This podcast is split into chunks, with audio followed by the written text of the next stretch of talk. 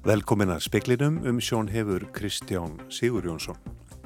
Lauruglan á Norðurlandi Eistra ætlar að fara fram á gæsluvarðhald yfir þremur vegna manndráps í Ólasfyrði í nótt. Staða Svisnanska bankans Credit Suisse veldur áhyggjum. Hlutabriða verði í bankanum hefur hríðlækkað og þykir aðburðar á sinn minna á bankarhunni 2008. Framsókn tapar fylgi í nýjum þjóðabúlsi Gallups en sjálfstæðisflokkur, samfylking, viðreistn og miðflokkur bæta við sig.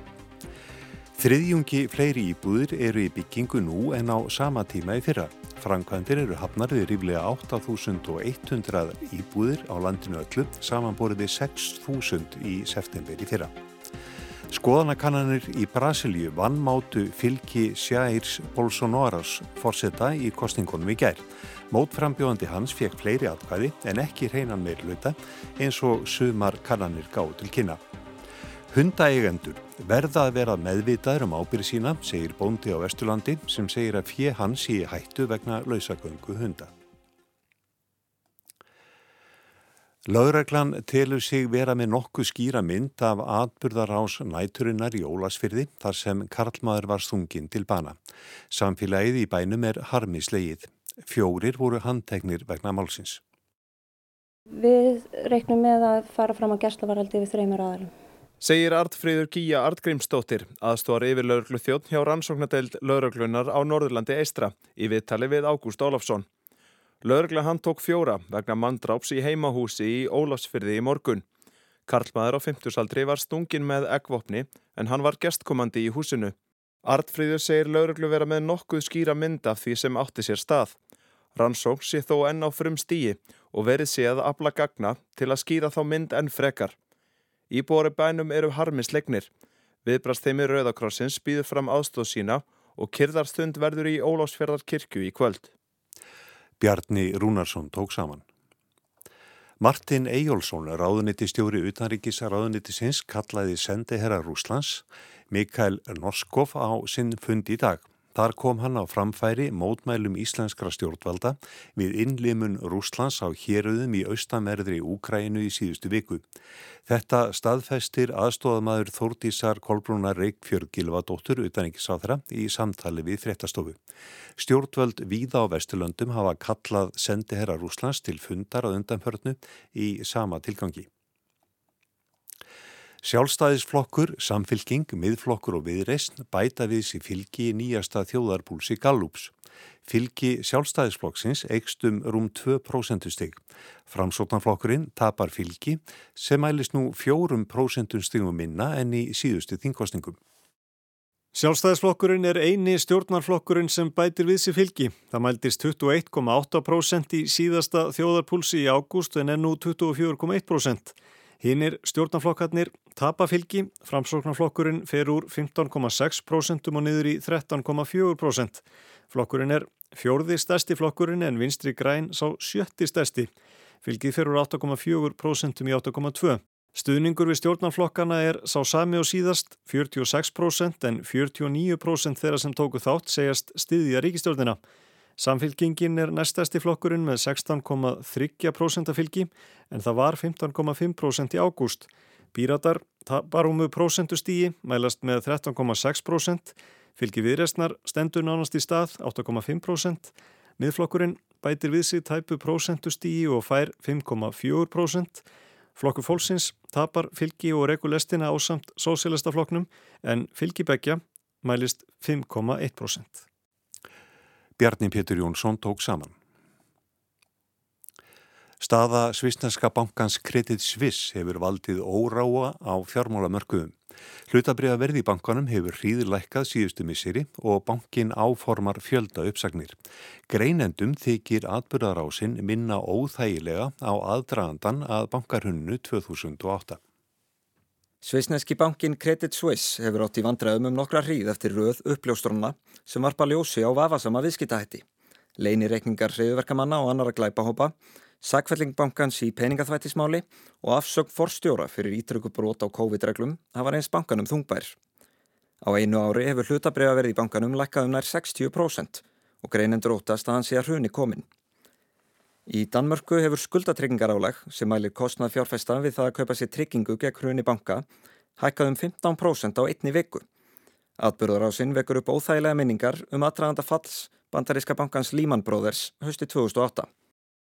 Eins og gengið er í dag á bankunum og þá er það er svo langt markasverðið bankans með skráð innra virði að það er annarkort er þetta frábært fjárfestingatækifæri eða þetta endur spekla það að fjárfesti telji góða líkur á því að bankið sé að fara í þrótt. Már Volkan Miksa, profesor, segir að jável geti dreyti tíðinda hjá bankanum á næstu dögum. En gætu áhrif að falli Credit Suisse orðið sambarileg og fall Lehman Brothers fyrir 14 árum? Það er hugsalegt, já. Er það líklegt að mínum að til nei?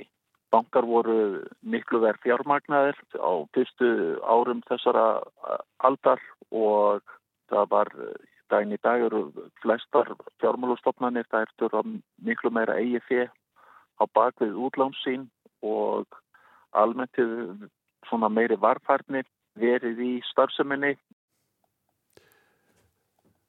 Sagði Már Volgang Miksa, Alexander Kristjánsson talaði við hann. Hæstirettur í bandaríkjónum samþykti í dag að taka fyrir mál er varða ábyrð veðmiðla á efni sem er byrt á þeim. Sankvæmt núgildandi lögum í bandaríkjónum eru fyrirtæki á borði Google, Facebook og Twitter ekki útgefundur og því ekki ábyrg fyrir því sem byrtist á miðlum þeirra. Annað málana höfðar fjölskylda Noemi González, bandarískrar konu á þrítugsaldri sem var eitt fórnarlampa hriðjuverka árásuna í París í november árið 2015. Google er sakað um að var brotið bandarísk lög gegn hriðjuverkum með því að mæla með myndböndum frá hriðjuverkasamtökunum sem kenna sig við Íslamst ríki á myndbandavefnum YouTube. Í málsókninni segir að Google eigi stóran þátt í ímyndarsköpun Íslamska ríkisins og því hversu vel samtökunum hefur gengið að fá fólk til liðs við sig til að gera árásir um allan heim. Dómari á lægra dómstígi dæmdi Google í hag. Hann sagði fyrirtækið njóta lagalegrar verndar samkvæmt bandarískum lögum sem bak hjarlar vefmiðlana segja nöðsynlegt til að tryggja málfrelsi á netinu. Þingmenn begja vegna borðsins í bandaríkunum hafa mótmælt lagagreininni sem tryggir miðlunum verndina. Demokrater segja miðlana íta undir haturs orðræðu abla sem standa ist til hægri og republikanar saka fyrirtækinum að reitskoða íhaldsmenn. Róbert Jóhansson saði frá. Bóndi á Vesturlandi segir nöðsynlegt að taka lausagöngu hunda fastari tökum og of algengt sé að fjö hans drepist eftir að hafa lend í hundum. Haraldur Benediktsson, bóndi og alþingismadur, segir að hann hafi ekki lengur yfirráði við stórum hluta jærðarsinnar vegna aukinar umferðar hundaeganda og lausagöngu hunda. Ég er ekki ekki aðtöðsandi við að fólk hvari að vera hundana sína en, en það verður það líka að gæta af þeim því að ég er að glýma við það að fólk fer inn á heimalönd sem eru afgirt og við erum að geima okkar fyrir og telur það sé allir lægi að leifa hundunum að, að hlaupa í fjennu og uh, nýlegt dæmum það þá fara stórir hundar og, og, og drepa lamp sko. Þetta er alveg mál að vera með hund innan um fjö.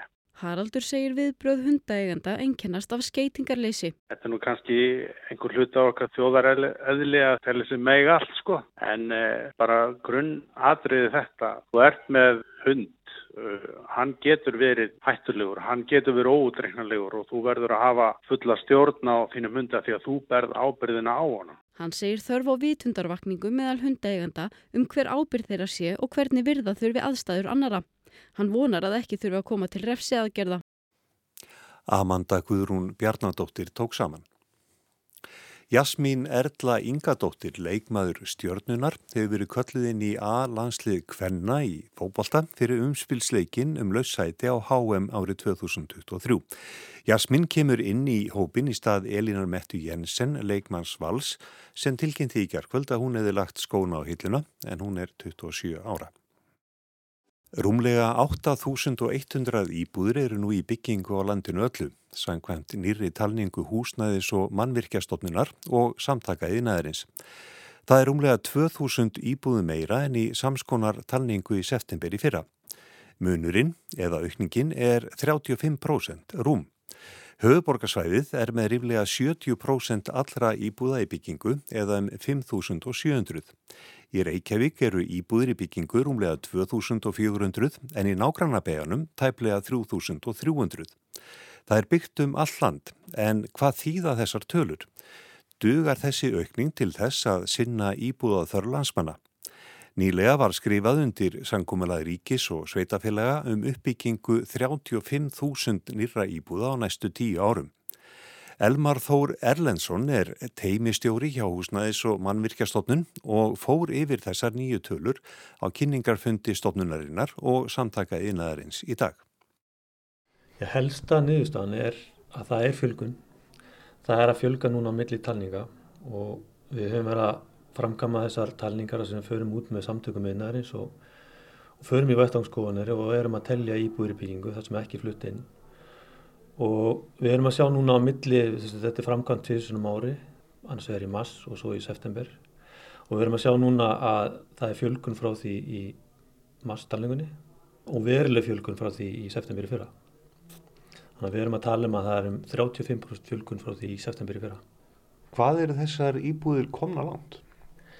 Þær eru á mismöndi framöndustöðum en svona heilt yfir þá eru við samt að sjá jákvæð teik núna að það er mikil fjölgun á fyrstu stíðum.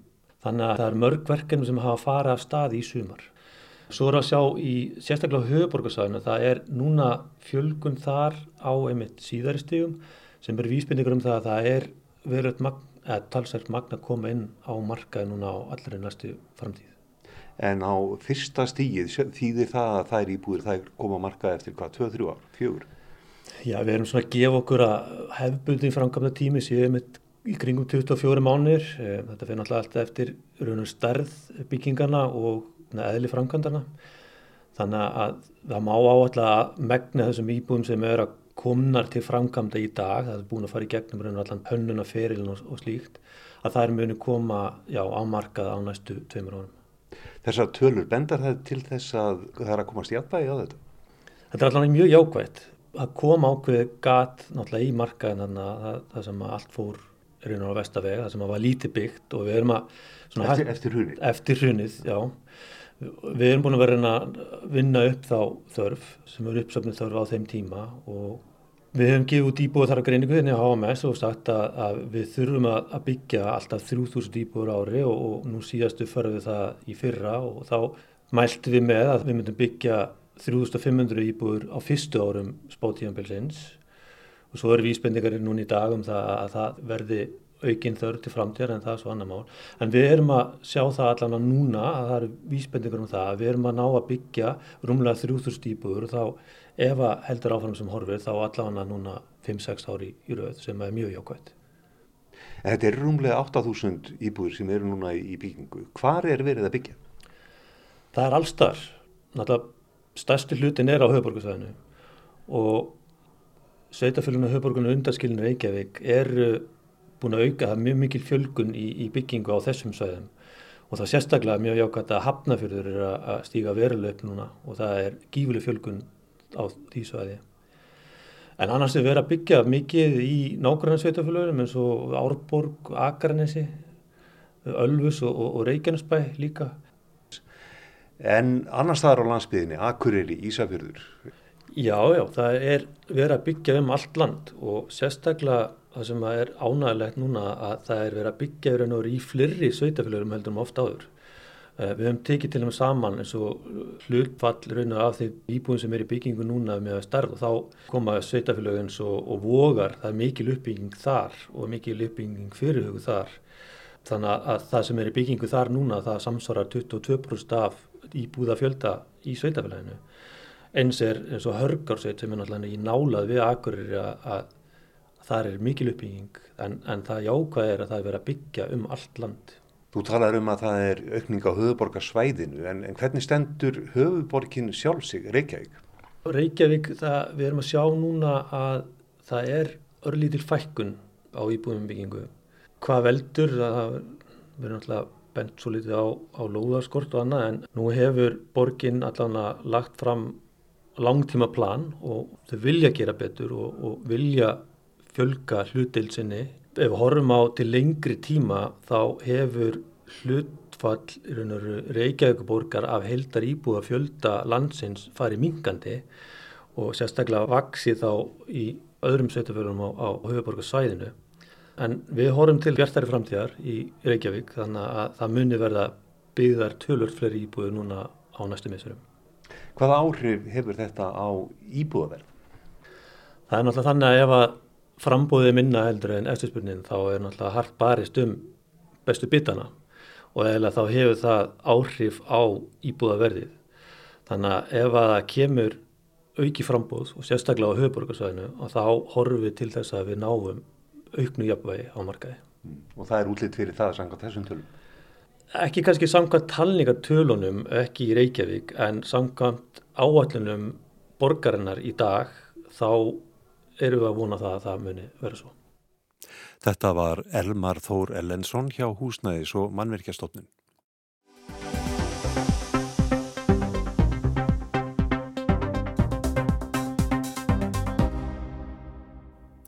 Skoðanakannanir í Brasilju vannmátu fylgi Sjærs Bolsonoros forsetta í kostningunum í gær. Mótframbjóðandi hans fekk fleiri atkvæði en ekki reynan meirluta eins og sumar kannanir gáðu til kynna. Mikill fagnuður rykti meðal stuðningsmanna Luis Inácios Lula da Silva fyrirverandi forsetta eftir að í ljós komað hann hafði hlotið flest atkvæði í um e um vocês. Lula þakkaði stuðningsfólki sínu aðstóðina síðastliðina þrjá mánuði og bætti við að hann hefði aldrei náða að tryggja sér sigur í fórsetakostningum í fyrir umferðinni. Það væru örlög sín að þurfa að hafa fyrir því að verða fórseti. Bolsonaro sagði þegar hann ávarpaði fréttamenn að niðurstaða gerðdagsins síndi að margir hefðu áhyggjur af verðhækkunum á nöðu sín efurum að undanförnu og vildu breytingar en ýmsar breytingar gætu orðið til hins verra. Nós vencemos a mentira o dia de hoje, que estava o Datafolha dando aí 51% a 30 e poucos, então vencemos a mentira. Um Við flettum í dag ofan af lígum Datafola og háðri kostningaransóknastofnun í Brasilíu sem sagði að úrslitin erðu 51% gegn 30 og einhverju, sagði Bolsonaro. Setni helmingurinn er eftir og báður standa jamt. Við ætlum að sína brasilísku þjóðinni og sérstaklega þeim sem hafa það verst að það getur haft afleðingar að sitja heima. Við förum yfir efnahagsmálinn, afleðingar stríðsins í útlöndum og fleira. Við þurfum að koma því á framfæriða breytingarnar sem sumir vilja gætu orðið til hins verra. Ástandið í Brasilíu höfur versnað til muna síðastliðin ár. Þjóðin fór ítla út úr COVID-19 farsóttinni þar sem Jair Bolsonaro er sakaður um að hafa gert lítið úr og vannmetið með öllu afleðingar hennar. Verðbólga og atvinnuleysi eikur mjög og erfileika Brasilíumanna og þá er fórsetin sakaður um að umgangast Amazon regnskóana glannalega hinn svokölluðu lungu heimsins. Einnig saka pólitískir andstæðingar hans hann um spillingu og að virða líðræðislegar leikreglur að vettu í. Stuðningsmenn Lula virðast næsta vissir um að þeirra maður segri í síðari umferðinni. Guító Mantega, fyrirverandi fjármálar á þeirra Eiríkistjórn Lula, benti á það í frettaþættinum Newsday hjá BBC að Lula hefði sigrað í 14 ríkjum Brasilíu og Bolsonaro 12. Eftirleikurinn ætti því að verða auðveldur. In 14 states Lula wins, 12 states that Bolsonaro wins. And I think that in the second term it will not be difficult to, to win Bolsonaro. 11 buðu sig fram í fórsetakostningunum í gær en einungis Lula og Bolsonaro fengu umtalsvert fylgi. Simón Tebet, eh, frambjóðandi miðjumanna, lendi í þrýðasæti með 4,2% fylgi. Guido Mantega telur að Lula eigi stuðning hannar vísan og fái þar með atkvæðin sem hún fekk. Fleiri frettaskýrendur er á sama máli.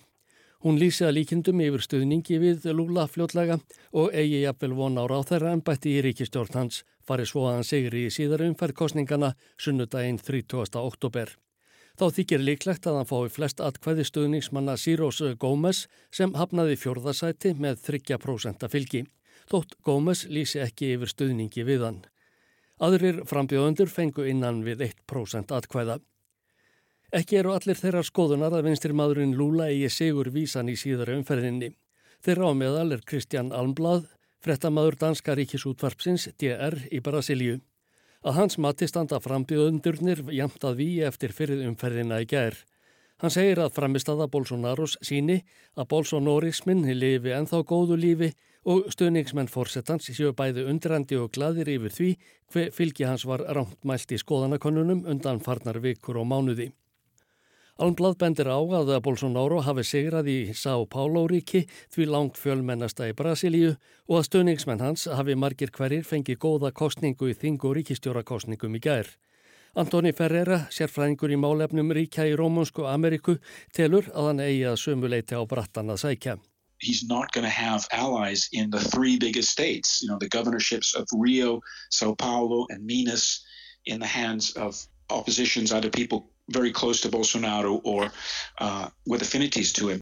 Ferreira bændir á að í þremur starstu ríkjum Brasilju, það er Rio, São Paulo og Minas, eigi lúla ekki stöðning stjórnvalda vísan.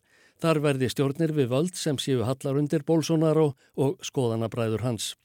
Kristján Almblad hjá Danska ríkisútvarpinu telur að úrslit gerdagsins gefi Bolsonaro tilefni til að hella sér af aðlefli út í kostningabaráttuna næstu fjórar vikur.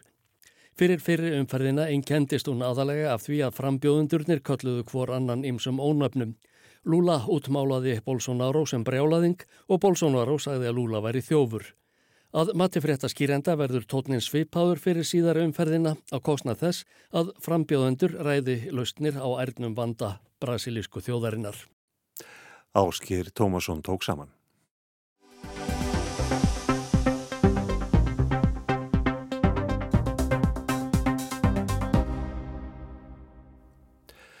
Ofstækis fullur nazisti, breskir herrmenn og áhuga samir menn í íslenska stjórnaráðinu eru meðal þeirra sem lögðu óavitandi grunninn að sangkomu í sapnahúsinu í dag.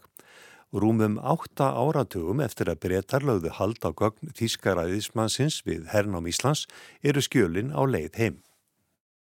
Fáir erlendir erindrekar hafa orðið frægari, jafnvel allaræmdari í Íslandsögunni en Werner Gerlach. Hann varð aðalaræðismar Þískalands á Íslandi í april 1939, sannfærður nazisti, sendur hingað Henrik Himmler yfirmanni SS-sveitana. Hingað kom Gerlach fullur velþóknunar á Íslandingum sem arískri fyrirmynda þjóð, en hann var þó fyrir miklum vonbyrðum við kynni sín af þeim. Hér starfaði Gerlach ekki nefn í rúmt ár, þánga til breytar hernumulandið í síðari heimstyrjöld. Hann var handtekinn snemma morguns, skömmu eftir að bresku hermennirnir gengu á landi Reykjavík. Í milli tíðinni reyndan að brenna viðkvæm skjöl í baðkari. Þá yði stöðuð breytar og lögðu hald á öll skjöl sem fundust í ræðismannsbústæðnum og þaðan hoppum við til dagsins í dag þegar fulltrúar þjóðskjálasaps Íslands afhendu fórseta sambandskjálasaps Þískalandsgögnin rúmlega 80 árum eftir að breytar hýrtu þau. Við Njörður Sigursson, aðstofar þjóðskjálavörður, erum í sapnahúsinu við hverfisköti í Reykjavík. Millokkar eru fimm öskjur sem láta ekki mikið yfir sér, en hér eru samt söguleg skjöl. Hvað getur þú sagt okkur um þau? Já, þetta eru skjöl Þíska ræðismanns á Íslandi eh, sem náðu við tímabili 1927 til 1940.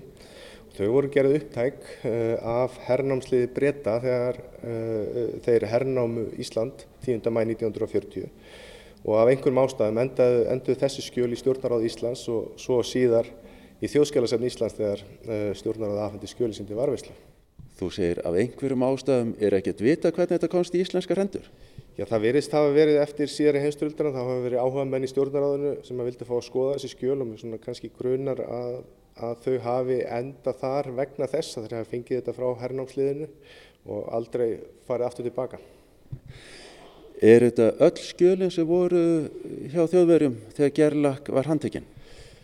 Já, það er spurningan um skilgrinni það, vegna þess að þegar uh, eh, breytar komu í sendir uh, eh, ræðismæðarsbústaðinn að mótni 10. mæ, að þá funduðu brunalikt og var verið að brenna hluta af skjölunum í baðkari á, í húsinu. Þannig að þetta er nú ekki öll, öll skjölinn en, en allavega öll skjölinn sem varvettust í stjórnaráð Íslands. En hvers vegna verið aðfenda þjóðveðri um þetta núna? Þetta eru fyrst og fremst þýskjöl. Þetta er ekki eign Íslenska ríkisins, heldur er þetta eign uh, Þýskalands eða Þýska ríkisins og það okkur þykir rétt að koma þeim á sinn rétta varfislu stað og þetta hefur verið uh, raun og veru undarfærin ár í allþjóða samfélaginu að koma skjölum á sinn rétta varfislu stað. Þó svo skjölinn fari nú til Þýskalands versnar aðgengi íslenskra fræðimanna þeim ekki. Þvert á móti batnar það. Búið þeirra myndaskjölinn og voru þau byrt á við þjóðskjálasaps Íslands í dag.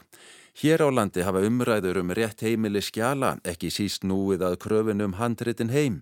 Síðustu öldina hefur nokkru sinnum verið samið við Dani um handrita og skjalaskil. Þó að handritin sé þekktust voru fluttingað mörg skjöl sem varða sögu Íslands. Mikil umræða hefur verið á heimsvísu um hvað reyja geima skjöl, meðal annars með hliðsjón af uppruna þeirra og hvaða upplýsingar þau geima. Slíkar viðurar hafa gengið misvel og eru reynda hluti af stærri umræðum skjálavörslu. Sumir hlustendum mun eflaust eftir Sir Humphrey, ráðuneyti stjóranum ráðagóða eða eftir vitt slóttuga úr gaman þáttunum Yes Minister og Jim Hacker, ráðherranum sem glýmd oft við þennan fulltrúa kervisins. Í einum þættunum kom í ljós að Humphrey hafi gert heljarinnar mistök og einhvern veginn varða að breyða yfir þau.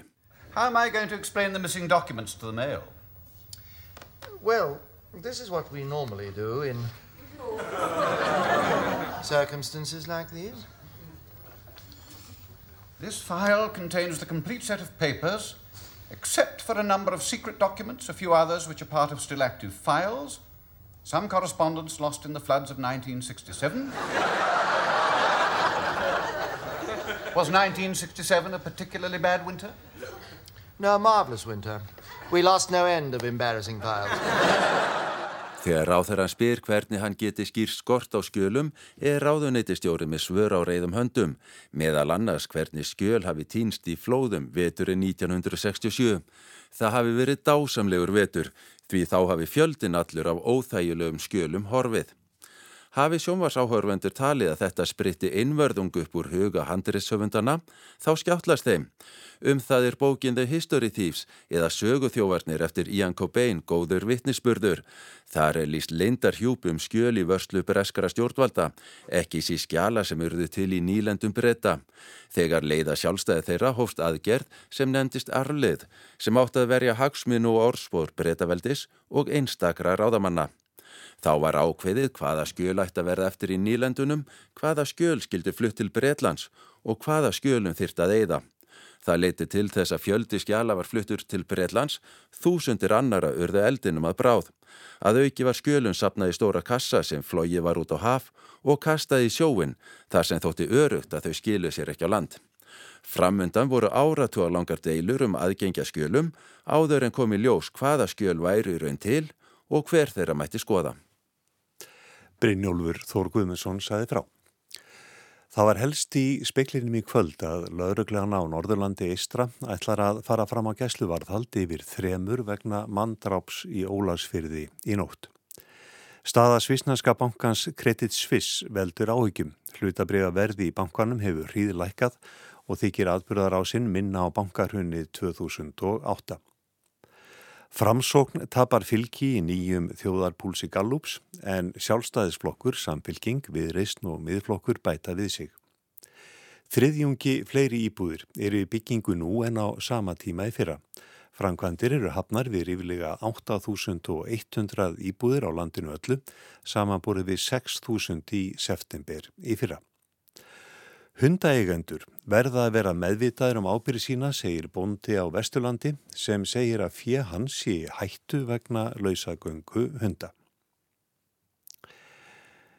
Veðurstofan gerir ráð fyrir auslæri átt, átta til 15 metrum á sekundi í kvöld og rigningu með köplum víða um land. Norðan 8 til 13 á morgun en 13 til 18 metrar um landið norðvestanvert. Rigning víða um land. Talsverð úrkoma verður á vestfjörðum og norðvesturlandi og slitta eða snjókoma á fjallvegum á þeim slóðum annað kvöld. Híti á morgun verður á bilinu 5 til 10 stygg en kólnar annað kvöld. Við minnum á sjómansfrettir klukkan 19 og vefinn rú.is en það er ekki fleira í speklinu í kvöld. Tæknimar í útsendingu var Þorbjörn Gísla Kolbrunarsson. Verið sæl.